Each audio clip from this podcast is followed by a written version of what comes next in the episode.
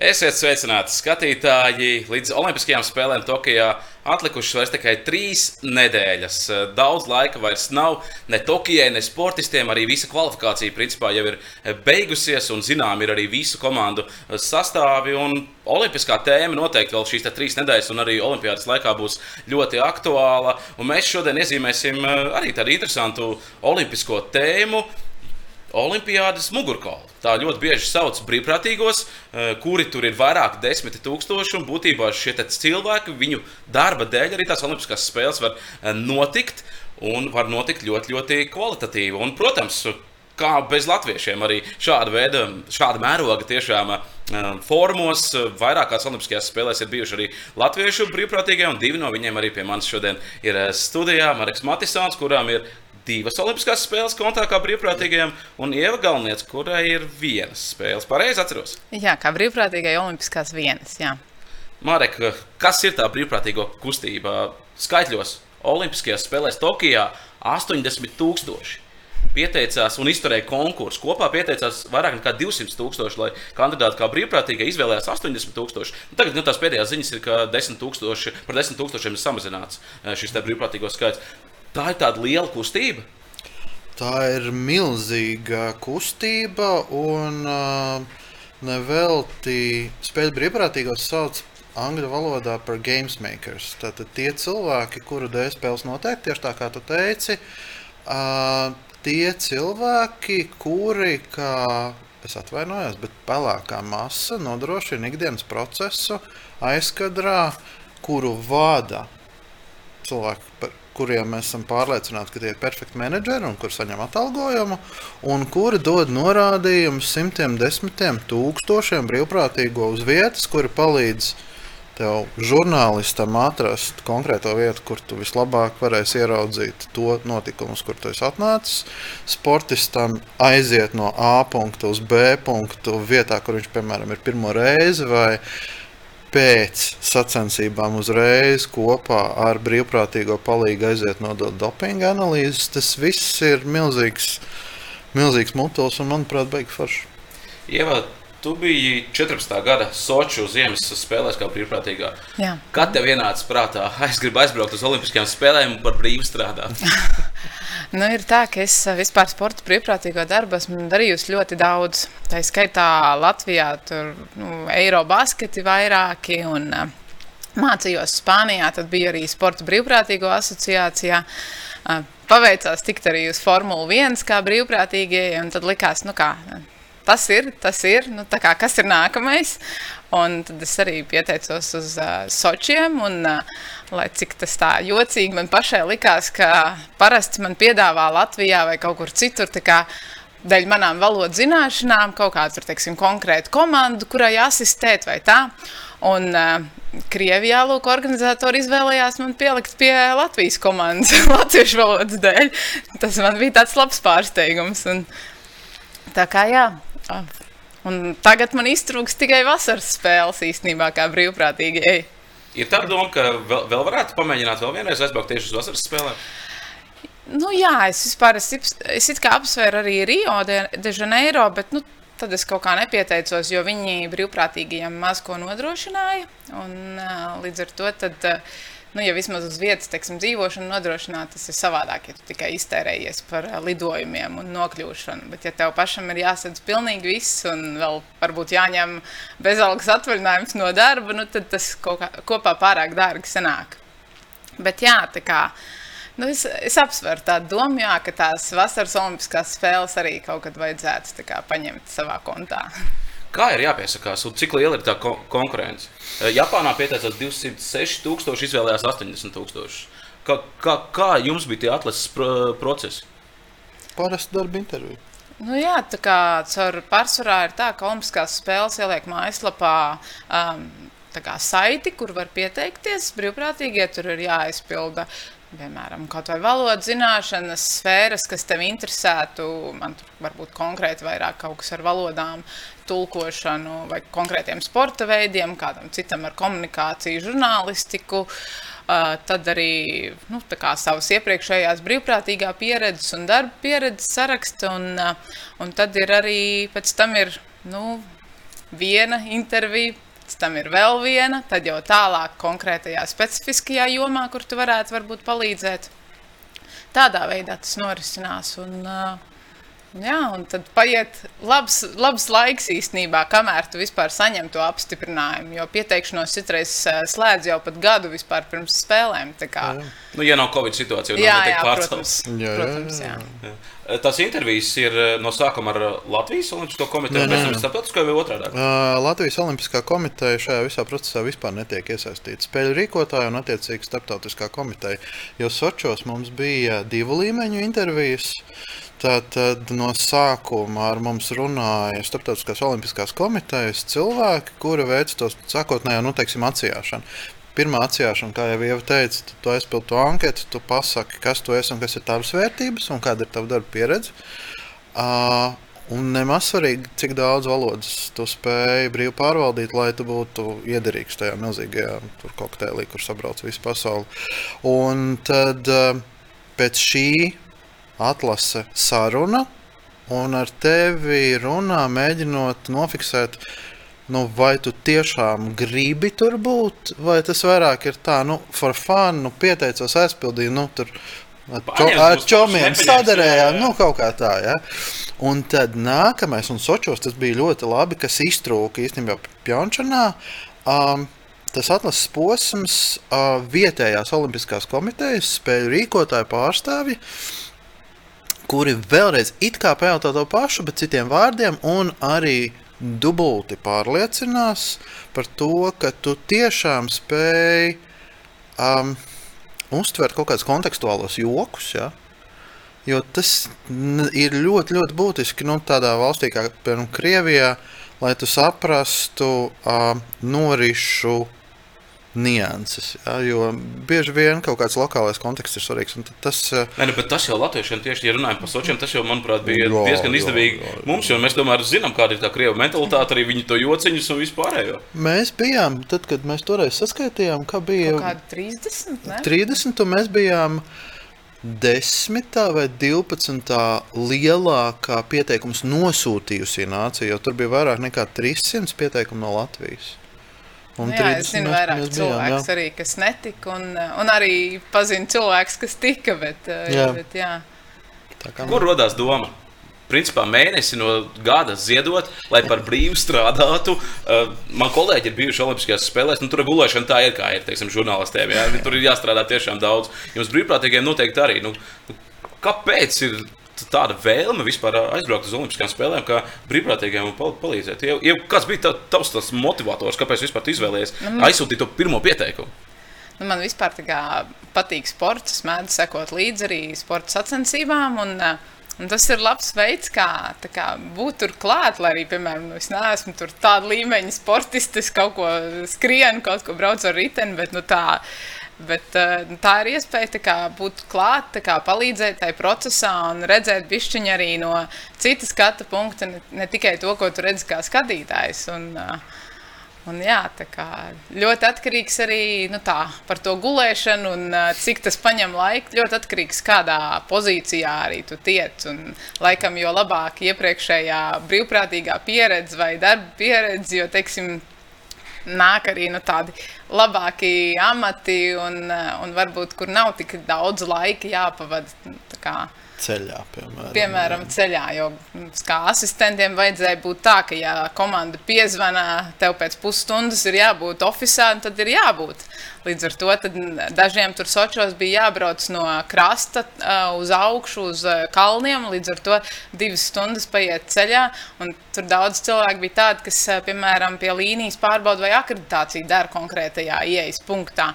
Un, uh, mums savukārt atkal bija jābūt nu, pusstunda, 40 minūtes tur tā paša kalnu ciematā, kā, lai mēs varam paspēt, ja nu gadījumā delegācijai ir kaut kāda steidzama nepieciešamība. Mm. Tāpat laikā Varbūt šādā veidā palīdzot delegācijai, sanāca arī kaut ko vairāk drusciņi redzēt. Un, un, arī nebija tik intensīvs tas grafiks, jo nav jābrauc katru dienu. Tur divas stundas, turp divas stundas atpakaļ, septiņas stundas stāv pie kontrols punkta. Tā gluži, tā gluži manā gadījumā nebija. Maraka, tu, tu šajā, šajā brīvprātīgo vispār kontekstā iesaistījies. Salīdzinoši nesen, es teiktu, vai ne? Kad, kad bija tas pirmās spēles? Soči, Soči, Soči Soči, arī bija jā, pirmās spēles, Soči. Nu, man visu laiku ir bijusi tāda asociācija, ka šie te, e, brīvprātīgie lielos formos, nu, tas ir tā, tā ir tāda jauniešu balīte. 20 Jā. līdz 25, Jā. varbūt 28 gadiem. Marek, piedod man, bet nu, tev, Es tev tie gadi ir garāki. Kremļa vectētiņš pilnīgi noteikti. Nē, Soči, pirmkārt, sāksim ar to. Soči uh, piekrastē, tur, kur dzīvoju es. Tas bija tāds mīlestības un seksa festivāls. O, Absolūti, noteikti. Uh, vislabākajās 80. gadu vācu mīlestības filmu tradīcijās. Jo, iedomājieties situāciju, tad mēs runājam par brīvprātīgo skaitu. Tur ir sabraukuši cilvēki no Krievijas tālajiem ziemeļiem, kur nav nekad redzējuši jūru. nu, jā. Un Sočos viņi to ierauga, un viņi ierauga meiteni no Kazaņas, kas ir pilnīgi citādāka pēc sava temperamenta, pēc sava izturēšanās un pēc visu. Un viņi saprot, ka pēc tam viņi nesatiksies vairs nekad, un viņi ir sasodīti brīvi. Krievijā brīvība pat tad, tas bija tāds, nu, nedaudz jēdziens, kas pie mums ir stipri savādāks nekā tur. Tas ir viens. Tas, tas jau ir tas, nu, tas, tas um, ritms, kas tur notiek. Par mani, kā par uh, cilvēku, Kremļa vecētiņu, zini, bija, bija baigi interesanti. Jo sanāca tā, ka es esmu stipri pa vidu. Uh, Soču gadījumā man bija mm, nedaudz pāri par tiem 35. Un uh, es vēl neesmu tas, ko Sočos sauc par sudraba brīvprātīgais, tātad, kur matos ir tas sirmums un tā. Uh, tur bija vesela grupa cilvēku, kur bija piedalījušies Maskavas Olimpijādē kā brīvprātīgi 80. gadā. Ārkārtīgi ar visu cieņu, viņiem arī bija nopietni pienākumi, un, un, un, un viņi, protams, nu, arī kavējoties atmiņās, kā tas bija tas toreiz. Viņi mēģināja kaut kā iesaistīties, runāt ar jaunu, un tas bija baigi forši. Uh, jaunie cilvēki, nu, jūra, saule, mīlestība, un pa vidu es, kurš komunicēja ar vienu, otru, trešo un mēģināja izveidot kaut kādas draudzības saites ar ļoti daudz un dažādiem Tad varbūt tas vecums tev pat nāca par labu, jo, Jā. tu, jo tu varēji gan ar jauniešiem, gan arī ar tiem pieredzējušiem. ma, mani ņēma bariņā un kaut kādās kompānijās, principā viss. Ļoti, ļoti labi. Tad man te jāprasa viens jautājums. Katru gadu tas ir arī mūsu olimpiskajās studijās. Mēs uh, stāstām, cik tūkstošus prezervatīvu izsniedz sportistiem uz Olimpiskajām spēlēm. Brīvprātīgiem arī izsniedz. Nē. Pašiem savu bija jāpēc. Um, nu, es domāju, ka tie, kas tur um, mēģināja nenakšņot numuriņos um, savos, jo man, man piemēram, man, tad ģeniāls stāsts. Tu aizbrauc, tu saņem savu akreditāciju, un tad tu tiec nosūtīts uz vietu X. Kur tu nezini, kur tas ir, jo tajā vietā vēl nav kartes, jo tā vieta ir tikko uzbūvēta un kartes nav tikušas līdzi. Tu ej tā pa norādēm, un tausti un jautā vietējiem, un vietējie tev sūta dilēs, tāpēc ka viņiem nepatīk olimpiāda. Jo tajā vietā, kur kādreiz varēja ganīt kāzu, tur tagad ir kaut kādas mājas uzceltas, un viss ir ārkārtīgi fēni. Beidzot, nonāca vietā X. Tā ir tava kopmītne, ļoti forša numuriņa. Man patika, man, god, man, man likās ārkārtīgi amizanti tas viss. Ja? Uh, stāv jaunieši, kuri ir arī brīvprātīgi, ja tu viņus atpazīsti, viņiem ir kaut kāda nu, tās regālijas atribūtika un ir Krievijas spēcdienas darbinieks, kas visus reģistrē. Tas tāds cilvēks uzvalciņā, melnā, viņš zolīts.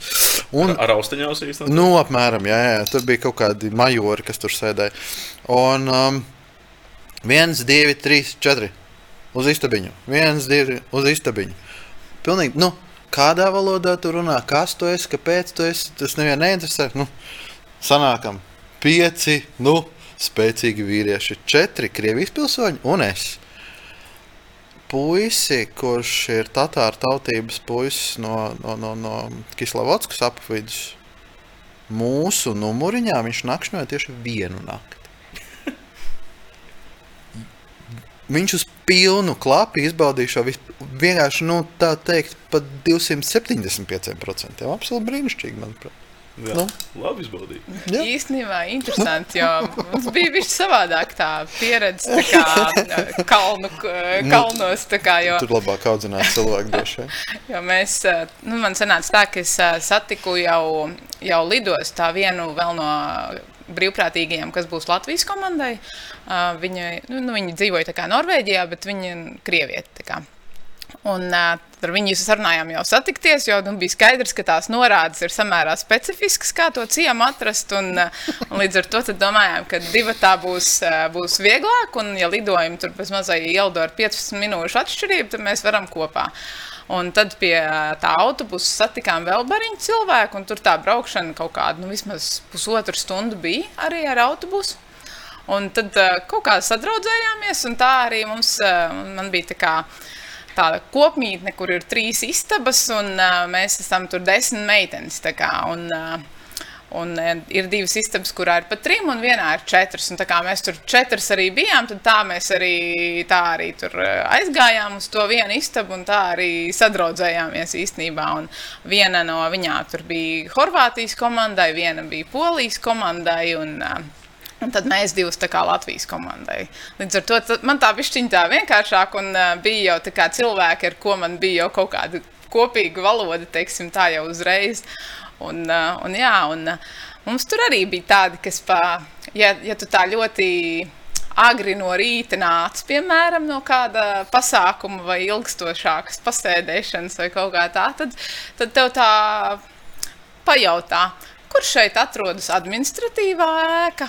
Un uh, tad tu pasaki, kur tas ir. Nu, tu vienkārši pārbaudi, vai tu zini, kur, kur atrodas, kur, kur bija tas, kurš tev iedeva to atslēgu. Tad es tam cilvēkam pasaku, kur tas atrodas, un viņš aiziet pilnīgi pretējā virzienā. To man bija skaidrs, ka viņš nekādu administratīvo ēku nemeklē. Bet uh, žurnālistiem es zinu, ka viņiem ir. Nu, teiksim, tā, mazliet noslēgts ciematiņš. Tur ir uh, visādi McDonald's, tur bāriņi. Viņi arī tur atpūšas. Kā ir brīvprātīgiem? Jūs arī esat uh, salikt tādā vienā, varbūt tādā vienā tajā olimpiskā ciemata zonā. Un arī jums ir tādas izklaides iespējas, teiksim, ka nu, vakarā darbs ir pabeigts, nu aizējām kopā pasēdēt uz kafejnīcu vai tur, nezinu, paēst kaut kur kopā vai iestiprināties vienalga. Nu, uh, mums bija atsevišķs ciemats, kā, bet nu, tur nebija ne McDonald's, ne kaut kas tāds. Mums bija tikai uh, tāda ēdnīca, tādos. Teikt, nu, es neesmu īsti padomju laikā dzīvojusi, bet nu, man liekas, līdzīgā stilā. Un, oh. un, un, un uh, izvēles iespējas arī no, no tā, kā, kā nu trāpījās, kuru dienu, nezinu, pavāram garstāvoklis tā nu bija. Bet, nu, protams, kā šādi arī aizbrauc tur uz. Uh, vai nu aizgāju uz kādu tur, kas ir turpat Sočos vai Adlerā vai vēl kaut kur ārpus vienkārši tā ciema. Un, un ienākšanai jau man liekas, ka tur nebija konkrēts laiks, līdz cikiem ir jābūt atpakaļ. Vienkārši ir tā, ka no sākuma nepārbaudīja, teiksim, somas, vai tev ir līdzi tur, nezinu, savs aliņš, suvenīrs, jā. un pēc tam vienā brīdī sāk pārbaudīt, un tad, tad jāsaprot, nu labi. Tad Neko vairs tādu nevar ienest. Piekrastē mums bija, zin, nu, atkal par anekdotēm runājot. Ja? Uh, tagad, šobrīd, 2021. gadā, mēs jau esam Latvijā diezgan daudz iepazinuši to, ka ir cilvēki, kuri ļoti rūpīgi un uzmanīgi izvēlas savu ēdienkarti. Ir cilvēki, kas ir vegetārieši, vegāni, ir cilvēki, kas ļoti rūpīgi sako līdz tam, ko un kā viņi patērē uzturā. Starp citu, Latvijā tur baigi uzlabojumi. Teiksim, agrāk, ja tu teiksim, biji veģetārijs, bija ļoti grūti atrast. Tad tagad ir tā, ka gandrīz katrā kafejnīcā ieeja un Tieši tā, tev ir, un, un tev, tev ir ūdens, un ļoti daudz, teiksim tā, Latvija, kā Eiropas Savienības valsts, mēs tiešām šajā izpratnē jau ļoti, ļoti esam pietuvojušies kaut kādam nu, standartam. Es jūtu, ka turpinājums Sočos. o, jā, o, jā, turpinājums Sočos. Tad, tad um, Ieva ļoti toleranti aprakstīja uh, vietu, kur brīvprātīgie varēja paēst. Un kalnos, starp citu, tas bija daudz gaumīgāk izveidots. Mums piekrastē tas bija tas, kas saucas šaķor, uh, respektīvi telts uzslieta, kurā vienā galā bija kaut kas līdzīgs virtuvē, kas bija atsildīšanas zona, kurā no lieliem katliem tika atvests no kaut kurienes, iepriekš sagatavotais, atsildīts un pēc tam izlīts porcijās. Un viens no populārākajiem ēdieniem bija tas, ko atkal krievu valodā ir tas brīnišķīgs vārds žiža, ko latviešu varētu saukt par ķēpa. ķēpa. Uh, tad, tad tas ir sākotnēji kaut kad pirms vairākām stundām bija sautējums ar gaļu. Bet transportēšanas rezultātā un vairāk atsildīšanas rezultātā tas ir pārvērties tādā ļoti interesantā homogēnā masā. Uh, ar nenoraksturojumu krāsu paleti. Un tad, nu, vienam ir rinda un cilvēki no dažādām pasaules valstīm. Un tur un viens puisis, uh, viņš bija kanādietis, viņš tā jautā, tas ir ar gaļu. Jā, ar kādu gaļu tas ir? Un tad, nu, tā, tā, tā slāva tautas sirsnība viņam uzsit uz pleca viens puisis no Krievijas un saka, Čalīt, tu priecājies, ka tur vispār ir gaļa. Nu, tas apmēram raksturo to, kā tur um, ikdienā notika tā, tā, tā, tā um, lieta. Es teikšu, ka man Olimpiskās spēles katru reizi ir tāds absolūtais diētas pasākums, jo es nometu svaru kaut kādus 15 kg. Ah, Reizes reiz četros gados var diētīt. Nu, vai reizes divos, ja jūs spēlējat. Bet uh, so, so, Sočos, um, zini, nu, joki jokiem. Um, tas, kas man patika Sočos labāk nekā Pjončanā, ka šī brīvprātīgo iesaiste kaut kādos vakara pasākumos, kaut kādās darbībās, kaut kādos kopīgos notikumos, tajās pilsētiņās, tur, kur mēs dzīvojam, tā tur bija. Tas bija ļoti svarīgi. Tur bija cilvēki, kas par to bija atbildīgi, kas par to bija padomājuši. Brīvprātīgiem Soču spēlēs, mums kā starptautiskajiem brīvprātīgiem, bija milzīgs bonus. Mēs aizgājām uz ģenerāla mēģinājumu. Mm -hmm, uh, Pjončanā tas tā nebija paredzēts vispār. Pjončanā ģenerāla mēģinājums atklāšanas ceremonija tas bija tikai vipiem. Un uh, Pjončanā es noskatījos klātienē Olimpisko spēļu atklāšanas ceremoniju. Pateicoties latviešiem, kas strādāja spēļu rīcības komitejā, un pateicoties valsts prezidentam, kur tad, kad mēs Pjončanā mēs bijām ļoti maz, pieci cilvēki, jā, uh, mēs satikāmies Latvijas vēstniecības izbraukuma mājvietā um, netālu no Olimpiskā parka, nu, relatīvi netālu. Un, uh, pēc tās sarunas ar valsts prezidentu, viņa kundzi un ar diplomātiem, kur jautāja arī tos pašus jautājumus, ko jautātu, kas tad notiek un kāpēc jūs gribējāt tur doties. Tad, tad um, beigās mēs saņēmām šo milzīgo dāvanu. Um, Ies biļeti uz atklāšanas ceremoniju. Un, uh, ja tu jautā, nu, kas ir tava motivācija, kāpēc tu vispār brauc uz Olimpiskajām spēlēm, nu, man Sočos redzēt mūsu čaļus uz piedestāla tas bija tā, ka skudriņš pa muguru un uh, tajā dienā, tad, kad Latvijā notika Soču medaļu pasniegšana, man vispār nebija alternatīvu. Tur runā par bobsleju. Jā, jā, jā, jā. tieši tā. Bo, bo, bobslejā Sočos mūsu čāļi izdarīja maksimumu godīgi. Viņi uzkāpa uz piedestāla, un pēc tam izrādījās, ka ir tā, kā ir. Krievijas valsts sistēma tur visu, visu, visu šmauca. Un, um, nu, teiksim, Pjončanā tas mans highlights personīgais teiksim, no tās emocionālās tās uzlādes, tā bija tā atklāšanas ceremonija. Jo tur būt klāt, tas nekas, ka bija milzīgi augsts, ka tev atcēla visas iespējamās ekstremitātes. Bija atvērta tipa stadions, kurā pie mīnus 25, mīnus 27, 3,5 stundas tu sēdi. Ja? Bet tas lādiņš, kas nāk no tās visas atmosfēras, tev riņķi apkārt, tu to mēnesi pēc tam vienkārši 15 centimetrus virs sniega. Ja? Tā, manuprāt, lielā mērā ir atbilde, kāpēc cilvēki piedalās spēlē. Lūk, jā, bet man pārsteidz tas, ka cik daudz brīvprātīgie vispār var tikt uz tādām atklāšanas ceremonijām. Ja tev paveicās šādā ziņā? Uh, jā, es biju uz to ģenerālu mēģinājumu. Un kaut kāda daļa pat varēja tikt arī laikam uz pašu ceremoniju. Es tagad, godīgi sakot, neatceros, vai es biju uz abām vai uz vienu. Bet, eh, bet jā, man teiksim, tā arī ar, eh, arī ar Latvijas komandu strādājot, es pāris reizes varēju arī apmeklēt kādus sporta pasākumus, kā tur sacensības, paskatīties kaut ko no hokeja. Nu, varbūt ne visu spēli dažbrīd, bet nu, kaut ko jā. Un, eh, un, un, un arī tāpat to pašu bobsleju, jo mums bija jābrauc ierādīt arī bobslejistiem, kur viņiem būs, kā, kur varēs nolikt eh, bobus. Un, un kā izskatās tas uh, sanki centrs, lai viņi zinātu, cik laiks ir jāparedz teiksim, ceļā pirms sacensībām un tādas tā kā, vairāk arī sportiskās lietas. Un, jā, tā kā nu, diezgan izdevās īstenībā Sočos gan, gan palīdzēt, gan arī kaut ko pabaudīt. Un kaut kādā vienā brīdī jau pēc tam, kad nu, es tur kopumā biju piecas nedēļas, kā, tad vienā brīdī tu saproti, ka nu, jā, ir it kā brīva pēcpusdiena. Es laikam labāk pagulēšu ciematā, nevis braukšu uz olimpisko ciemu, nu uz olimpiskajām ēkām lejā uz krastu, vēl pastaigāties un paskatīties, jo vienkārši vienā brīdī arī tās spēka rezerves arī iztrūkst, lai, un tad liekas, nu, es te palikšu mājās, tā kā. Jā, Bet, jā, jā. jā. Kāds bija tavs highlights?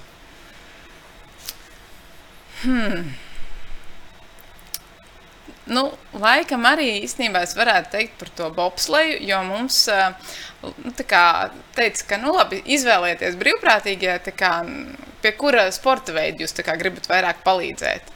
Un uh, es tai pašai ar eh, meitnei, ar ko mēs arī vienā istabā dzīvojām, es viņai teicu, hm, zini ko, bobslēs būs interesantāk, tur mums lielākas cerības. Viņa saka, ok, labi, es tad arī ar tevi uz bobslēju. un, uh, un tad jā, un pēc tam arī, uh, arī kad mēs bijām gan tai Latvijas mājā saucamajā, tur mēs arī tikāmies, tur piemēram, tur bija Sandis Ozoliņš un tā, un, uh, un, uh, un arī tajā krasta. Uh, Man patika, kad bija Latvijas-Canādas spēle, un uz tās uh, hokeja arēnas viņi lika karogus. tā Kā, mm. Tu ej un pa gabalu tu redzi, ka tur vienā pusē ir nu, tā kļauja lapa, un otrā pusē ir sarkan, balts, sarkanais karogs, tā kā uzlikts uz visa, visas kupolas, izgaismots tā skaisti. Un, jā, un, uh, Prāta vētrai bija viens koncerts arī Jā, tajā, tas bija un, uh, un uh, tas bija tieši tajā pašā dienā, kad uh, kamaniņās izcīnīja medaļas. Un tad uh, viņi arī uzkāpa uz skatuves un uh, tur izteicās gan, gan angliski, gan krieviski, gan latviski. Un arī latviski arī visiem pateica, nu, tā kā apsveicam tagad ar medaļu. Un, uh, tā kā tas, tas bija tāds ļoti skaists moments. Kāda ir atbildība brīvprātīgajiem? Es tīri piemēru. Um, tajās pašās pēdējās divās uh, Ziemas Olimpiskajās spēlēs, tur ir tā, ka Latvija iet pa medaļu, apmēram, un tad arī mūsu žurnālisti. Tur ir zonas, sadalīts, kur drīkst iet, kur nedrīkst iet. Mūsu žurnālisti arī, nu, lai dabūtu to pašu labāko, tev ir jāpārkāpj. Tev ir jāpārkāpj, un tur priekšā tev ir brīvprātīgais. Un uh, mūsu žurnālistiem vairākas reizes tas ir izdevies, nu, tik klāt, kur tu teorētiski nedrīkst kā, uh, būt. Bet tad es iedomājos, kas ir noteikti pēc tam ar to brīvprātīgo. No viņa taču prasa atbildību. Jā. Jo teorētiski nedrīkstēja laist iekšā. Ka, k- bija šādas situācijas, vai kaut, kaut ko esat dzirdējuši, kas pēc tam notiek? Jo, jo mūsu pusē izskatās, ka viss bija forši. O, tikām tur iekšā, no, no, nofilmējām to, dabūjām to. un Viss ir vienkārši super ekskluzīvs eh, materiāls. Bet tad padomāt, otru pusi, ah, ko tam brīvprātīgajam pēc tam te priekšnieks saka. Nu, es laikam neesmu tā īsti tādā situācijā bijusi, jo es diezgan tā strikti sekoju tiem noteikumiem, un droši vien manā gadījumā jūs tā arī nebūtu nekur tikuši. Bet, eh, bet, eh, bet nu, ir atbildība, jā, ja tu to uzņemies, tu paraksties, ka tu sekos visiem noteikumiem, ka tu zini arī visus drošības pasākumus. Un, Un, eh, teiksim, ko tu drīksti publicēt, ko tu nedrīksti. Nu, Nu, Viens ir, ka brīvprātīgiem aizrāda par to, ka viņš ir kaut ko tur palaidis garām, vai nu tā. Tas, protams, atkarīgs no kādas uh, sekas no tā visa radās. Ja tas ir tikai nu, kaut kur, nezinu, kāds kaut ko nu, dabūja labāku materiālu vai vēl kaut ko, tad tas varbūt nevienam tā, tā baigi nekaitē. Bet, uh, ja tas kaut kā izvēršas kaut kādā lielākā incidentā, nu, tad arī nu, ir brīv- brīvprātīgie, kas ir arī tikuši atskaitīti. Jā. Tāpat laikā, nu, es arī nu, pēc Sočiem es, uh, strādāju Eiropas spēlēs, un man bija jākoordinē brīvprātīgie īstenībā tieši tajā pašā pozīcijā, ko es kā darīju Sočos. Un tad manos pienākumos arī, diemžēl, bija arī atlaišana. Ja, tā kā, nu, bija dažādi gadījumi, un cilvēki no, uz papīra saka vienu, un pēc tam arī, arī visādi ragi un nagi, teikt, izlien ārā. Un, Tāpat, lai arī man no tās uh, istabiņas, kur es dzīvoju, bija viena meitene, kurā izdomāja, ka viņa varētu neiet vispār uz, nu, nevis no manas istabiņas, bet no tās visas uh, kopmītnes. tā kā, Ka viņi varētu neiet uz, uh, uz uh, savu pienākumu pildīt, tā kā, bet viņa, lūk, varētu iet visas dienas slēpot. Un pēc tam, kad viņa kādu ceturto dienu neparādījās, tad uh, ieradās, teikt, viņu meklēt un palūdz savākt mantas un doties projām. Un tad tu tā, tu esi tā atbraucis, tu esi pieteicies, tu esi apstiprinājis, ka tu visu pildīsi, un uh, tad tev tā bišķi ar kaunu un negodu jābrauc mājās. Tad tomēr ir Tā ir. Jā. Nē, e, brīvprātīga akreditācija var tikt atņemta, un es arī esmu to redzējis. Jā. Bet uh, atbildot uz tavu jautājumu par Latvijas žurnālistiem, jā, e, tiesa gan es očos, bet Pjončanā, jo te arī ir, nu, manuprāt, viena tāda kvalitatīva atšķirība, ko Krievijas Olimpiskās komitejas organizācijas komiteja izdarīja. Viņi saprata, ka paši netiks galā Un viņa piesaistīja ļoti daudz ekspertu speciālistus.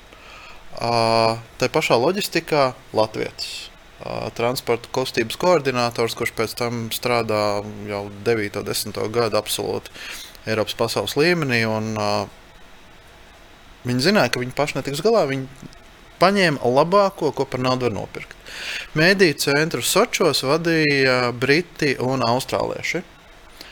Un mums bija visi metodiskie materiāli labā angļu valodā, un visas piezīmes un visi komentāri. Tas bija labs britu angļu akcents, kā tas tonis, kas iet ārā starptautiski, kas bija ļoti svarīgi.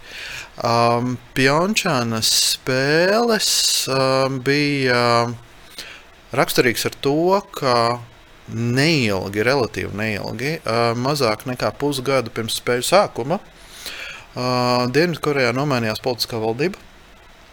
Un notika tas, kas saucās, kas Latvijas cilvēkiem dažkārt ir pazīstams kaut kādā pašvaldību līmenī. Nu, atnāk jaunā vara, šī jaunā vara tad ieliek savus cilvēkus. Tas, ka tie ir savi cilvēki, es atvainojos, neko nejēdzu no procesa, tas nav svarīgi, viņi ir savi cilvēki. Um, arī spēļu koordinācijā Pjončānā, diemžēl, šādi incidenti bija daudz. Un nekompetenti un nezinoši cilvēki pārņēma it kā procesa vadību.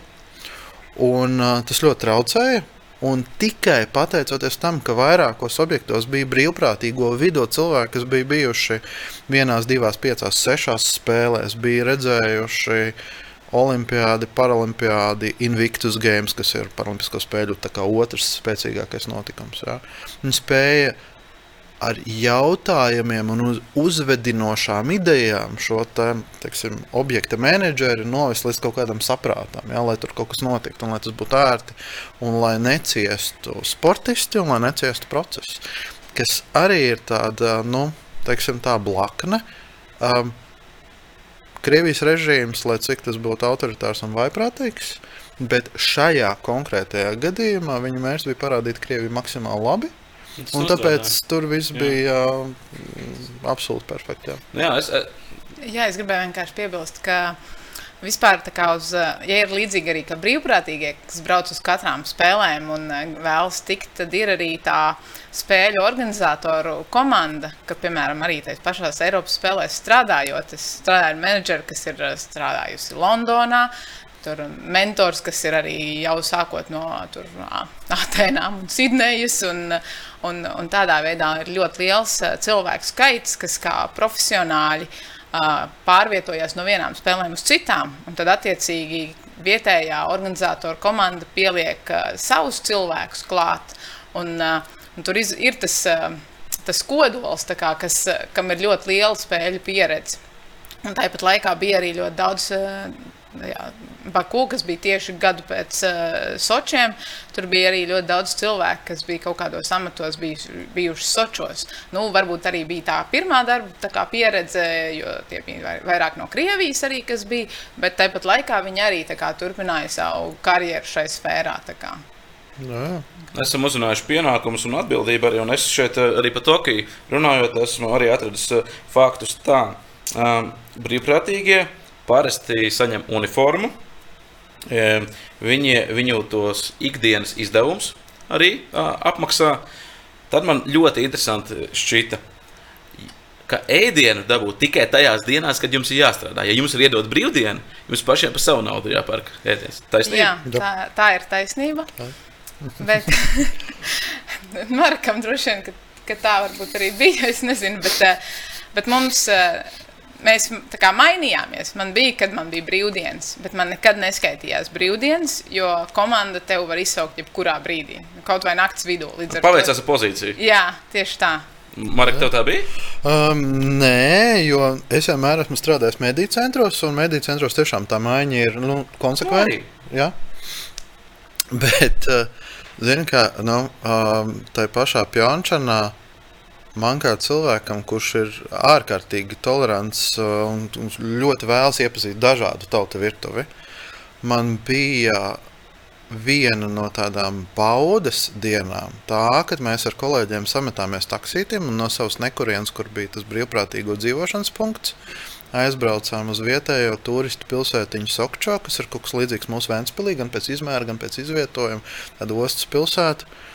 Un es ar baudu lopsēju vaigos maķīti, jo pirms tam rītā, pusdienā, vakarā zupiņa, rīsi un kimči, kas ir tādi ārkārtīgi forši, garšīgi, fermentēti, pikanti kāposti.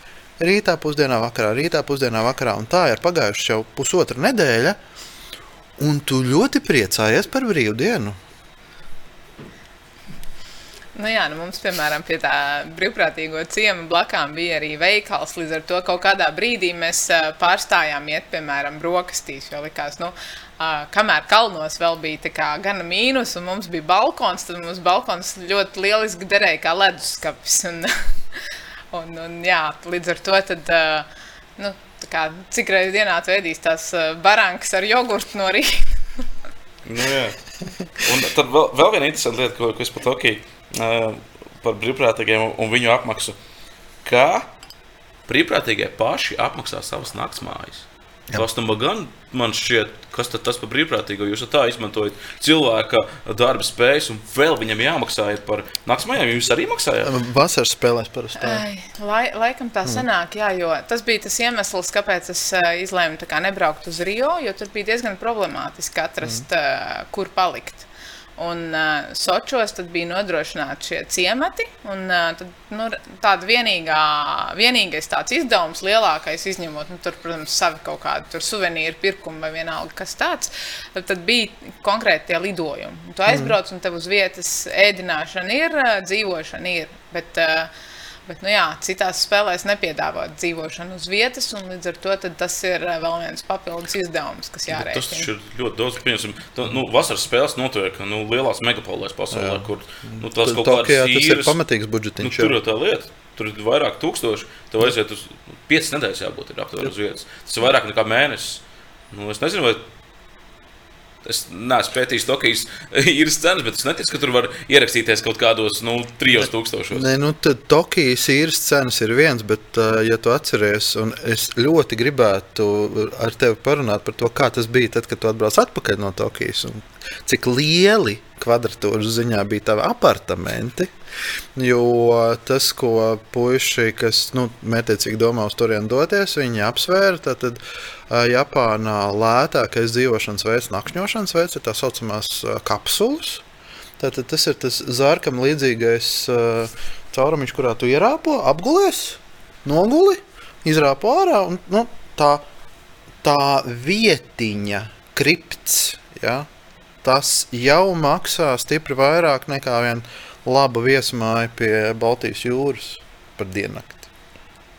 Nu, Rēķini.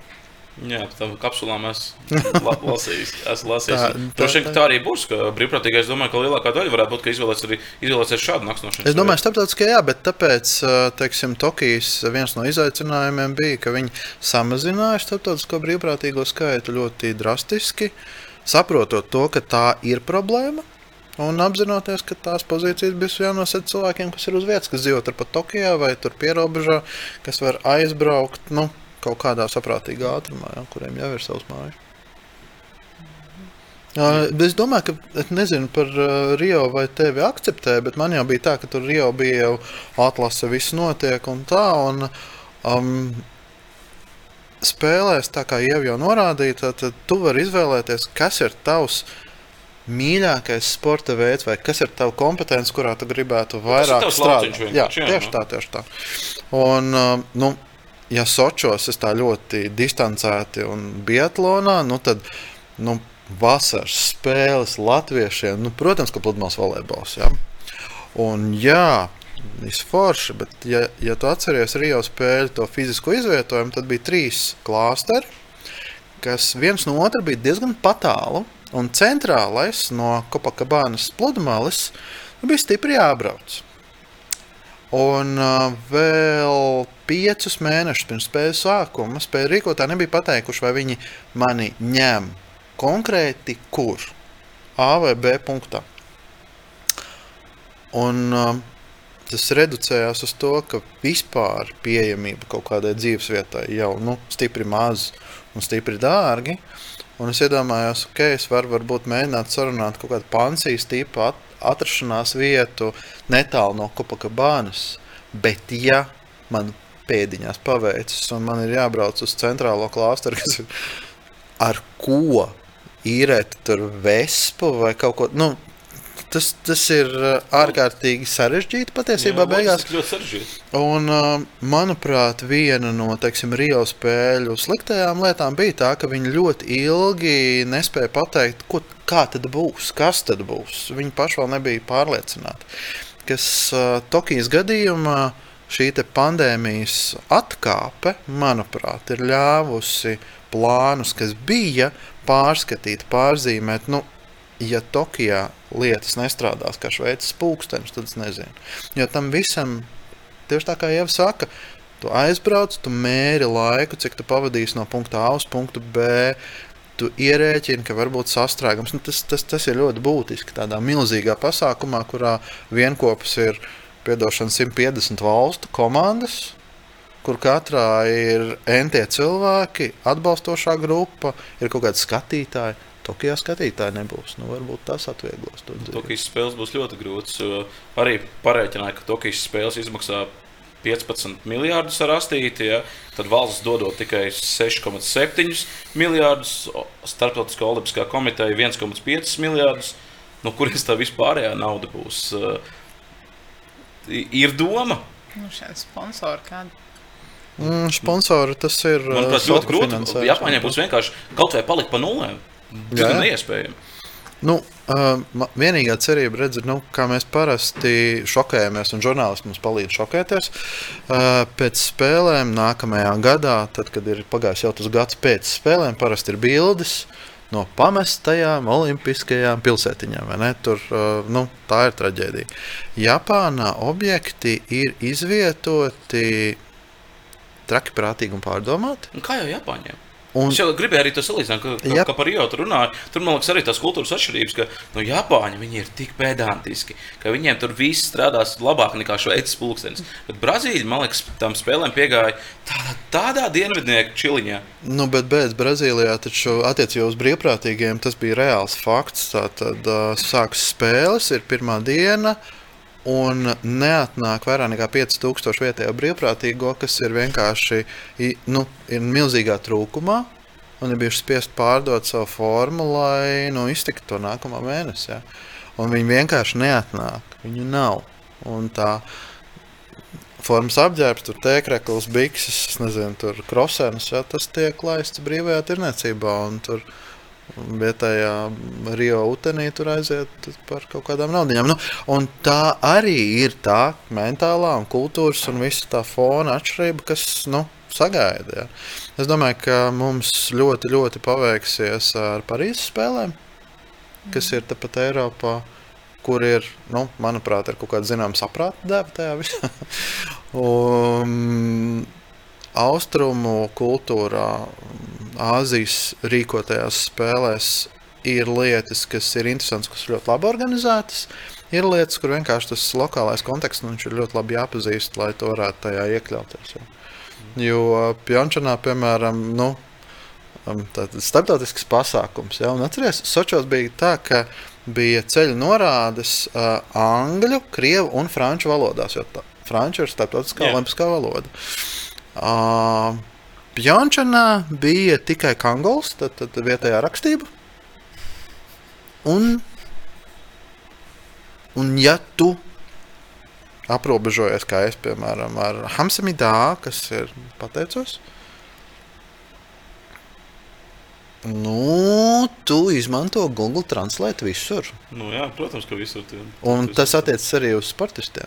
Jo arī viņiem pārāk maz bija tāda norāža, nu, kuras varētu saprast. Jā. Runājot vēl, vēl par naudu, es jau minēju pašā sākumā, ka uh, brīvprātīgai tāds mugurkauls Olimpiskajām spēlēm. Uh, arī pētījums saka, ka pēdējais lielais pētījums gan diezgan sens, tas bija par Sidneju. Uh, tur bija 40,000 brīvprātīgie Sidnejas spēlēs 2000. gadā palīdzēja to visu olimpiādu uh, izveidot un, un, un, un arī uzturēt un novadīt. Uh, tur tas viss, ja būtu, nu, neteiksim, ja būtu, bet uh, tas viss ļāva ietaupīt vairāk nekā 60 miljonus. Es tie uz darba spēku rēķinu, uz, uz mm. naudas uh, rēķina. Nav tāda sajūta, ka nu, jūs izmantojat šī starptautiskā olimpiskā komiteja, ka tomēr Tokijā 70,000 tagad būs brīvprātīgie. Viņiem nemaksā, viņi strādā. Ka, no, no šī rakursa ir, ir, ir tāds domas, varbūt brīvprātīgo vidū, tomēr, ka nu, kā vajadzētu kaut kādu naudu par to saņemt. Un, tomēr vairāk kā mēnesis tur strādā. Tas droši vien atkarīgs arī no nu, kāda tā pieredze kā veidojās, vai, tu, vai tev izdodas arī uh, drusciņā atpūsties, vai tev izdodas kaut ko redzēt, vai tev patīk tava uniforma, vai nu, pabaro normāli. Tādā veidā kaut kā, ja tu kā esi ar visu apmierināts un tev viss patīk un, un sanāk arī kaut ko izbaudīt, tad man liekas, ka tādā skatījumā nu, tā īsti neiedziļinās. Jo tu, jo, tu zini, uz ko tu esi parakstījies. Tas nav tā, ka tu pieteicies uz darba pozīciju un tev piedāvāja brīvprātīgo. tu pieteicies uz brīvprātīgo. Un, un, un tā, bet, nu, protams, ja, ja ir ja tevi kā eksploatē un, un tev liekas, ka strādā kā darba zirgs un eh, blakām tur apmaksātais darba spēks, nezinu, dzer kafiju un atpūšās, un tad, protams, varētu šādi domas sāk rasties. Kā, jā. Nu, ir tādi arī olimpiādas pretinieki, kuri saka, ka uh, Olimpiskās spēles ir klas, klasisks modernās verdzības uh, spogulis, kur nu, Starptautiskā olimpiskā komiteja pelna miljardus, sportisti visi tur sabrauc, rāda savu labāko sniegumu, viņiem iedod bleķi. Jā, bet redziet, te, te ir, te, te, te ir beigti dažādi. Nu, tad, tad, labi, vēl viens no maniem personīgiem highlightiem. Um, tad, kad mēs braucām uz uh, spēļu ģenerālu mēģinājumu Sočos, mums kā brīvprātīgos sastūķēja tajos autobusos tā kā, nu, īstā pīķa stundā kaut kad pirms daudziem gadiem, tad, kad Maskavas sabiedriskajā transportā. Tagad tev nav jāturās, ka tu vienkārši stāvi un balsties uz citiem cilvēkiem. Tur absolūti, absolūti, absolūti, jo nu, tajā brīdī vēl spēļu visa loģistikas sistēma nebija iedarbināta, bet transports ir. Mēs visi esam priecīgi, mēs visi esam draudzīgi. Un uh, man no vidus sauc, Ej, čau, Latvijas, klausies, tu te Latvijas, te, te ir viens džeks, kuram baigi patīk latviešu mūzika. Un otrā galā autobusa ir tāds kungs, sirds gados, Hovards, kurš šobrīd ir mans Facebook draugs. Viņš arī dzird, viņš tur, jā, es zinu Latviju. Nu, labi, nu, zinu Latviju, nu, vai mazums. Ja? Un uh, tajā brīdī iedomājos, ka ir tāds pārpildīts autobus, un tas autobus noklust, jo Hovards sāk dziedāt. Un viņš sāk dziedāt prāta vētras, Welcome to my country. Un tu saproti, ka tu nevari ģīpt, tāpēc ka tu vispār esi vecis un tev ir jāturās. Bet tā bija sajūta, ka sirreāla riņķī apkārt. Un tagad nu, viņš nodzēra to vienu tādu pantu, tādā zemā balsī, absolūti, nu, tur varbūt ne ritmā un tā. Viņš teica, jā, latvieši malači! Mēs pēc tam ar Hovardu runājām, viņa meitai kaut kad nejauši ir iepaticies viens gabals, viņa internetā ir noklausījusies, un pēc tam sāku spirkt diskus. Nu, kurš viņš bija? No Kanādas. Ah, Kanādietis viņš bija. Mm. Atkal, nu, vai to piedzīvojumu var izmērīt naudā? Nu, droši vien, ka nē. Vai es jutos drāmīgi strādājot Sočos? Nē, Pjončanā dažbrīd, jo Pjončanā ļoti atšķirīga bija uh, iesaistīto personu kompetence, kas strādāja uz Olimpiādi, kas bija tā ekscelentā komanda, par ko saka Ieva, kas ir gadu no gada lielajos sporta pasākumos vada, menedžē un pārvalda. Un savukārt Paralimpiskajās spēlēs lielākā daļa no šīs starptautiskās komandas jau devās prom un palika vietējie, kuri it kā bija guvuši savu trenētības kaut kādu kapacitāti Kaut olimpiādas kaut laikā. jau, jā. Un tad viņi tika pārvietoti. Un, jo, Paralimpiskās spēles, protams, ir mazāks notikums, mazāk sporta pasākumu un tā tālāk. Un ļoti, ļoti varēja just, ka pietrūkst šīs empātijas. Jā, jo ko vien bija nu, teiksim, jāpiedzīvo man, kā cilvēkam, kurš arī tagad drusku ir iesaistījies kaut kādā paralimpiskā darbā, tad uh, mēs strādājām Biatlona kompleksā. Un, uh, no Startautiskās paralimpiskās komitejas atbrauc puisis, ģeniāls fotogrāfs, kuru ir skāris šis te likteņa pieskāriens, un viņš ir nonācis ratiņkrēslā. Bet fotogrāfs ar sirdi un dvēseli un ar brīnišķīgām fotografijām. Un uh, viņu atved. Un uh, viņš saka, no es gribētu piedalīties tajā procesā, es gribētu nobildēt uh, šo te biatlonu dienu. Un visā objektā pieejamība un tā iespēja to cilvēku vispār dejab, līdz kurienai nogādāt. bija nu, teiksim, tā, stipri nulīta ar mīnuszīmi. Ja? Un tad tur izcīnīties. Un, uh, vienā brīdī man bija Pjončānā Paralimpiskās spēles laikā tā sajūta, ka man tūlīt man to manu akreditāciju paņems un vienkārši saplēsīs. Ja? Jo es lecu tik daudz pakāpieniem pāri, lai sasniegtu kaut kādu rezultātu, lai tas būtu tā, ka tas cilvēks, kurš ir atnācis uz Paralimpiskajām spēlēm, lai viņš nejustu, ka apkārt ir šī ignorance un nesaprašana. Un arī to es uzskatu, ka tas patiesībā sakot, bija tāds paiet bonus, jo manu nekaunību. Nu, Sočos es biju ļoti tolerants un kārtīgs, un labi uzvedos un ievēroju visus priekšrakstus. Nu, Pjančanā jau bija savādāk. Tur jau tas Vēl viena nianses, uh, Ieva, kas manuprāt attiecās uz uh, tevi par brīvprātīgiem, ka tu caur šo brīvprātīgo prizmu vari pat izveidot sev karjeru. Nu, jā, tā, tā to var izdarīt. Jā. Jo pēc tās, eh, pēc sočiem tā kā man eh, izdevās tā kā caur Latvijas Olimpisko komiteju aizbraukt eh, uz Baku Eiropas spēlēm.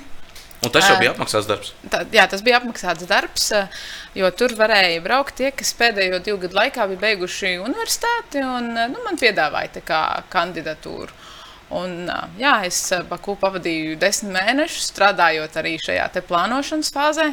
Un, nu, tur, protams, arī bija tā, ka bija ļoti daudz arī vietējie, kas strādā. Ar katru dienu viņi pieņēma arī viņus vairāk. Bija tas kodols ārzemniekiem, kur tad izdarīja, kas ir, protams, mazskaitlīgāks nekā vietējie, bet nu, izdarīja tur, teiksim, 70% darba. Un, eh, un, jā, un eh, tas konkrēti manā gadījumā bija tā, ka šis darba piedāvājums nāca dēļ visām pieredzēm brīvprātīgajā darbā. Un, man pat bija arī jātrenē tie brīvprātīgie, kas strādā, kā, kā, kas būs kā asistenti šīm delegācijām. Un, tas bija tā interesanti. Es varēju arī ta- tajā brīdī, kad viņi jau spēļu laikā man sāka sūdzēties par to, kāda ir ēdināšana Baku. Es viņiem parādīju pāris bildes no tā, kāda ēdināšana bija Sočos, ar domu, ka nu, jūs vēl nezināt, par ko jūs sūdzaties. Vispār. Bet, nu, jā, nu, kā, tas ir tāds labs uh, variants. Un, uh, tāpēc man bija arī jāiet uz um, universitātēm Baku prezentēt uh, brīvprātīgo darbu, jo nu, es tieši konkrēti no brīvprātīgā darba biju tikusi kā jau apmaksātā vietā um, uz Baku Eiropas spēlēm. Kā, jā. Tas ir tāds normāls darbs, vai tas ir tikai spēles beidzās, viss tev darbs beidzās? Nu, tas ir Vai tu tiec iesaistīt arī var, varbūt pēc, pēc tam kādā vēl vienā lielā not, notikumā, kuru, kuru arī organizē Olim, Olimpiskās komitejas, vai Nacionālās Olimpiskās komitejas, vai Eiropas uh, Olimpiskās komitejas, vai Starptautiskā Olimpiskā Nu, tur komiteja? sanāk tā, ka ir uz konkrētu, nu, līgums ir uz konkrētu pasākumu, bet nu, pēc tam atkarībā no tā, no gan no izvēlēm, gan no pazīšanās, tad uh, arī no, no pieredzes, tad arī var iet tālāk uz citiem pasākumiem. Jo parasti nu, tie, kas ir tas, arī tas kodols, viņi, tiksim, viņiem ar kādu patīk strādāt, tad viņi uzaicina vēl kaut kur un, un tādā veidā. Hmm. Tā, tā. Nu, man vienmēr tā, ka nu, tas starptautiskās olimpiskās komitejas rīkoto pasākumu nu, menedžeru lokus ir diezgan noslēgts. Nu, tur ir vieni un tie paši. Cilvēki, kuri zina to drēbi, kuri ir izveidojuši liels pasākums, un tādam jaunam cilvēkam ir grūti tikt uh, klāt. Tev kā jaunam cilvēkam nebija problēmas, teiksim, Baku ar, ar tiem pieredzējušiem vispār kaut kā, kaut, kā komunicēt un sastrādāties? Tā īsti Es teiktu, ka nē, jo mums vispirms, vispirms bija arī trīs nedēļu apmācības tiem, kas ir tie graduate programma, kas mums tur bija. Jo tur no katras olimpiskās komitejas sūtīja pa vienam cilvēkam kopumā. Tad bija, nu, varēja būt līdz 50 tie ārzemnieki. Un, un tad bija kā, vēl papildus kaut kādi 200, ne, laikam mēs bijām 200 kopā, bet nu, tad kaut kādi 150 vietējie Azerbaidžānas studenti. Un, un mums katram pēc tam arī iedalīja savu mentoru, kas tad attiecīgi palīdzēja arī ar kaut kādu padomu.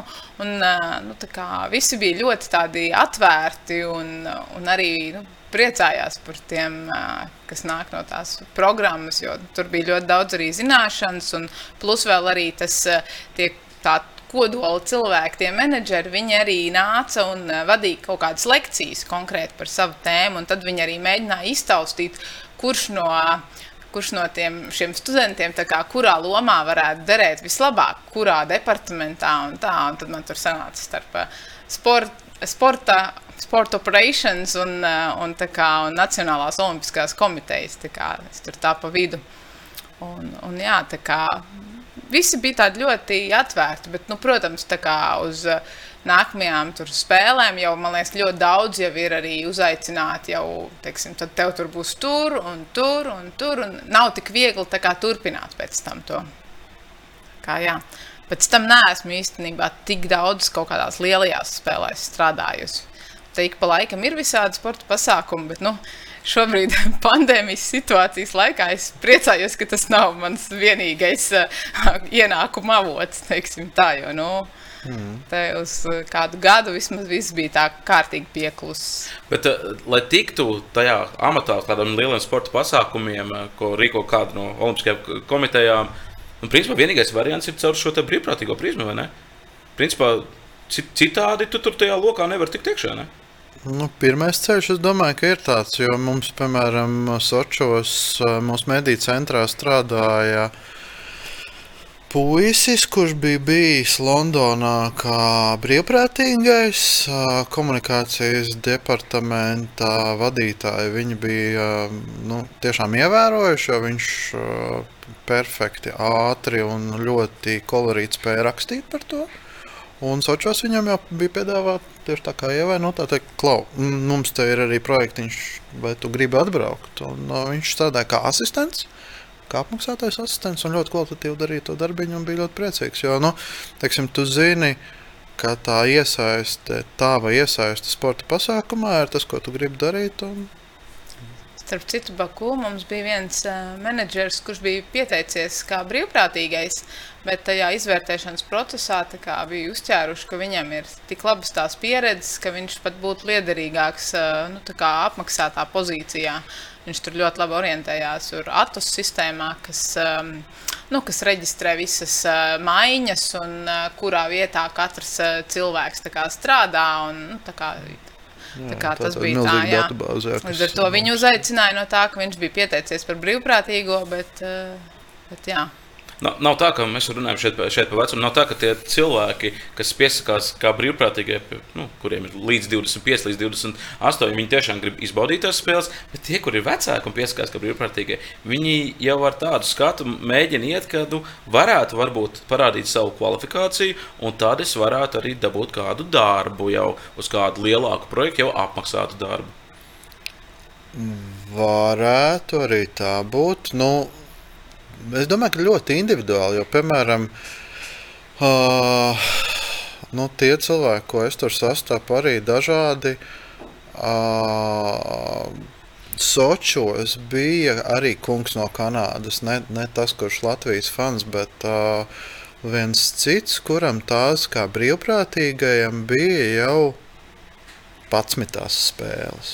Es baidos samalot, kuras, bet 11. Un tieši ziema, um, jo viņš tajā jaunības posmā bija aizgājis. Tur labi, būšu brīvprātīgais. Otrās spēles nāk, viņam atsūta ziņu, un tajā laikā nu, cilvēkiem vēl sūtīja parastas vēstules, ja, ka, ka mēs jūs varbūt gribētu redzēt. Nu, labi. Trešā, nu labi. Un, nu, pēc tam, kad tu jau esi desmit reizes bijis brīvprātīgais, tas nozīmē nu, spēļu izpratnes un algoritma izpratnes un rīkotāja izpratnes ziņā tu, tu esi ārkārtīgi fokusēts uz šo, un tevi jāaicina pat, pat ar, ar, ar tekstu. Nu, jūs varēsiet nedarīt neko, bet tikai atbrauciet un vienkārši esiet un dalieties ar to, kāda ir jūsu pieredze, kas arī ir forši. Ja? Tā kā nu, tur ir ļoti, ļoti dažādi tie stāsti. Es nezinu, es, es uz Sočiem braucu vairāk kaut kādu nu, emocionālu apsvērumu dēļ, bet uz Pjončānu jau tiešām vairāk mācīties no kaut kādas lietas un procesu, un novērot to procesu un saprast. Un tā. nu, arī, piemēram, Baku, kad es konkrēti tur vairāk zinu, kā tur, kāds tas brīvprātīgo sastāvs bija. Tā, tad, uh, Tur bija arī ļoti daudz, kas ir studenti, tādi jaunieši, kas vēlas piedalīties. Arī viņiem tur kaut kāda maza, to vismaz var kaut, par kaut kādu darbu pieredzi nosaukt. Mums bija arī ļoti daudz, kas bija kā, pensijas vecuma. Nu, arī tur, piemēram, no, no Kanādas, ASV un, un nu, tādā veidā visādi cilvēki arī no Nīderlandes, piemēram. Kam nu, varbūt tas ekonomiskais aspekts viņiem atkrīt pavisam, jo viņi smuki dzīvo ar pensiju. Un, uh, kā labi, ne, kāpēc neaizbraukt eh, kaut ko padarīt citā vietā. Jo tas, kas ir nu, tas, kā lai to nodēvē, drīzāk nu, tas darba vecums, ja, kas ir starp studentu un pensionāru, tie ir tomēr bišķiņi mazāk, skait, mazāk skaitlīgi. Jo, nu, tomēr ir, ne, ne visi var paņemt, eh, piemēram, piecas eh, nedēļas vai sešas, lai, Protams, lai kaut kur darītu brīvprātīgu darbu. Ko ģimene saka, ka jūs braucat prom uz piecām nedēļām? Nu, piecas nedēļas jau vēl nebija daudz. bija tā, ka pēc tam Baku, desmit, desmit mēnešus Baku un divus gadus Spānijā. Piecas nedēļas vēl nebija daudz. Nē, bet, zini, ir ārkārtīgi forši. Kā, kā tu paskaidro ģimenei? Es braucu par brīvu strādāt. Nē, man, man, man, man sieviņai ir brīnišķīgi, jo ir cilvēki, kur katru nedēļas nogali brauc, nezinu, uz copi. Vai medības, vai vēl kaut kas. Nu, viņa no manis atpūšas, tā kā Pjončāns gadījumā, 50 dienas. Viņai ir retrīts, viņa var darīt, ko vien viņa vēlas mājās pārkārtot um, tā un forši. Un, um, kā, tas uh, tajā brīdī, tad, kad tas viens cilvēks ar to otru sāk dzīvot kopā, viņš jau pieņem visādas tādas īpatnības un dīvainības, un šī varbūt ir viena tāda, kas man piemīt. Jā. Kā tika noturēts sapulcs? Es jau minēju skaitu, 70 tūkstoši Tokijā būs. Mm -hmm. Tu taču visus nevari sadzīt kopā, vēl pēc tam Covid ierobežojumiem, lai izstāstītu kaut ko. Cik mazās grupās jūs tiekat uh, sadalīti? Droši vien tā kā visvairāk sadalīt pat nu, departamentiem, piemēram, ja tur strādā ar uh, konkrētu sportu, tad tie, kas ir tajā sporta, brīvprātīgie, tur mēdīji atsevišķi. Nu, cik, cik liels skaits un cik bieži tās sapulces ir? Nu, man, piemēram, tā var konkrēti pateikt no Baku, man bija kaut kādi 50 delegācijas. Mums bija, mums bija kaut kas zem 400 bišķiņu brīvprātīgie tieši tie, kas strādās ar delegācijām. Katrā delegācijā no tiem brīvprātīgiem ir viens kā, vadītājs, kas ir nu, team lead. Kā, viņš, viņš vai, nu, teiksim, viņi tur varbūt divi tādi ir, ja lielāka komanda, piemēram. Tad viņi vienu, viens no viņiem nāk katru rītu uz sapulci. Tad tā sapulce ir 50 cilvēkiem manā gadījumā. Nu, mm. Tādā veidā tas tā notiek. Jo, ja ir ļoti daudz brīvprātīgie uz katru pozīciju, tad viņiem arī ir vēl tas savs vadītājs, kurš tad deleģē tālāk uzdevumus un, un sniedz informāciju. Jā. Jo tas tomēr nu, tā ir tāda piramīda, tā kā uz leju tu nevari sasaukt 70 tūkstošus cilvēkus. Un, jo piedāvām uh, daļai, nu, tā kā kaut kādas drošības apsvērumi un tādas lietas, kas ir jāzina visiem, nu, to var tādā lielākā, teksim, man liekas, Sočos bija arī kaut kādas lielākas sapulces, kad pastāsta šīs lietas. Bet tālāk jau to, kas attiecās uz konkrētajiem pienākumiem, tad to tad tādās mazākās grupās mm. tomēr izrunā. Ja jaunieši mums skatās, kādas ir svarīgākās lietas, kas jāpiemīt, lai tu varētu tikt uz Olimpiskajām spēlēm kā brīvprātīgais? Saprotu, vecums nav šķērslis. Nē, vecums nav šķērslis. Olimpisko spēļu pirmajā dienā tev ir jābūt 18 gadu vecam. Tas ir 18 gadīgam, tev jābūt. Ir. Jā jau tas sarunas sākumā pieminēja valodas. Jā, nu, jebkura valoda, ko pārzina labā līmenī, tas ir, tas ir pluss. Jo nekad nevar zināt, kur no tām valodām izvēlēsies. Nu, piemēram, es, es runāju angļu, spāņu, krievu, latviešu, nu, plus vēl dažus, bet, eh, bet nu, konkrēti, nu, man, piemēram, pārsteidz, ka man izvēlējās uz latviešu valodu, jo tā, tā nemēdz būt. Bet, eh, bet, nu, teiksim tā, ja, ja zina vēl kādu, ir vērts to norādīt. Un šeit arī darbojas tādas mazas valodas, īstenībā, kas jā, varētu jā, izdevīgāk būt. Noteikti, noteikti. Jo, piemēram, ja, ir, ja kāds vēlas strādāt ar delegāciju, nu, protams, ka ieliks to, kurš nezinu, runā tur bulgāru valodā vai, vai runā vēl kādā mazāk, teiksim, populārākā. Līdz ar to tad, jebkura valoda var, var noderēt. Bet es domāju, ka mums tādā ziņā latviešu jauniešiem ir milzīgs, milzīgs, milzīgs bonus. Jo latviešu, krievu uh, un pirmā svešvaloda, kas ir vai nu vācu vai angļu, mums ir visiem. Un tad ir kaut kāds vēl bonus. Un, nu, tā kā man ir gan tā vācu, gan tā angļu, gan tā latviešu, gan tā krievu, tad nu, es domāju, ka tas arī bija viens no iemesliem, kāpēc Sochi spēlēs mani izvēlējās pilnīgi bez kaut kādas pieredzes pirms tam Olimpiskajā kustībā, jo Biatlons, kā sporta veids, ir nu, vācu valoda, tur ir prevalējoša. Nu, jā. Tur, tur daudz. Nu, tāpat tās arī tie, kas nodarbojās ar kaut kādu konkrētu sporta veidu. Jo, nu, jebkurš kā, sporta menedžers, viņš labprāt gribētu, ka viņam ir brīvprātīgie, kas, piemēram, kaut ko sajēdz no basketbola vai kaut ko zina no pludmales volejbola. Vai, vai no tā paša hokeja, un ja vēl ir, piemēram, piedalījies uh, Latvijā kādā uh, kā brīvprātīgais kādā no šādiem pasākumiem, tas jau norāda uz to, ka uh, ah, šis cilvēks kaut ko zina, viņam interesē, un, un viņš varētu būt noderīgs. Tas, nu, Protams, protams, sporta kompetence brīvprātīgajiem ir milzīgi svarīga. Jo nu, mums mediju centrā bija tās situācijas, tātad sacensības sākas, viss forši. Pēc sacensībām pirmie trīs uzvarētāji vai komanda tiek vēsti uz mediju centru uz ātrā preses konferenci. Jo viena lieta ir, ka mediju atbildes tiek sagrābtas miksa zonā, saucamajā, kur tikko tika pēc starta, kur cilvēks var pateikt, varbūt dažkārt. Jā, nu, un, un pēc tam ir tas un, uh, un, un, un tad ir oficiālā preses konference. Un kādam, kādam tas cilvēks ir jāaizved. Um, un viena lieta, protams, ka tu vari mēģināt saprast, nu, ka tā ir um, komanda, komandas tērps, numurs. Ja? Bet nu, pieņemsim, ka cilvēks noņem kaut kādu cepuri, ja, un viņš izskatās savādāk. Un, ja tas brīvprātīgais nepazīst līderus tajā sportā, kas ir šajā sezonā, šajos teiksim, divos, trijos, piecos gados, nu, tad ir traki skumīgi. Un dažkārt ir, ir bijuši kuriozi. Kā aizved teiksim, cilvēku, kurš ir formā saģērbies, viņam pienāk brīvprātīgais, saka, nu, nāciet uz preses konferenci. Tas cilvēks ir disciplinēts, arī atlētājs. Tieši, tieši tā. Pēc tam viņš tur stāv. Nu, tad, ko tad jūs gribējāt no manis? Jo, nu, ir jau tā, ka komandas strādā labi, bet dažkārt arī tas komandas preses menedžers tur nav klāts un vēl visādi kurjos. Tāpēc sporta zināšanas, protams, protams ir būtiskas.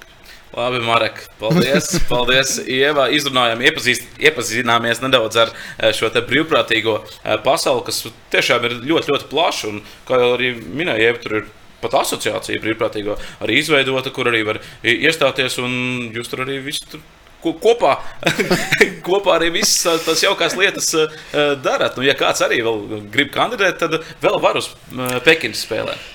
Šķiet, jā, vēl, man vēl šķiet, ka līdz, vēl var līdz jūlijā vidum. Manuprāt, varēja vēl pieteikties uz Ziemas Pekinas spēlēm, kas būs uh, nākamā gada uh, februārī. Tā kā, ja ieinteresē šis brīvprātīgo darbs Olimpiskajās spēlēs, vai varbūt arī pēc tam uh, kādā citā sporta notikumā, varbūt jau dabūt darbu kā apmaksātu darbu, kā tas izdevās ievēt, tad nu, meklējiet tās anketas, un mēs gaidām Olimpiskās spēles Tokijā. Tas būs šī gada lielākais sporta notikums, un ceram, ka tas izdosies. Bet ar jums mēs jau tiekamies nākamajā sporta studiju aizkulises epizodē.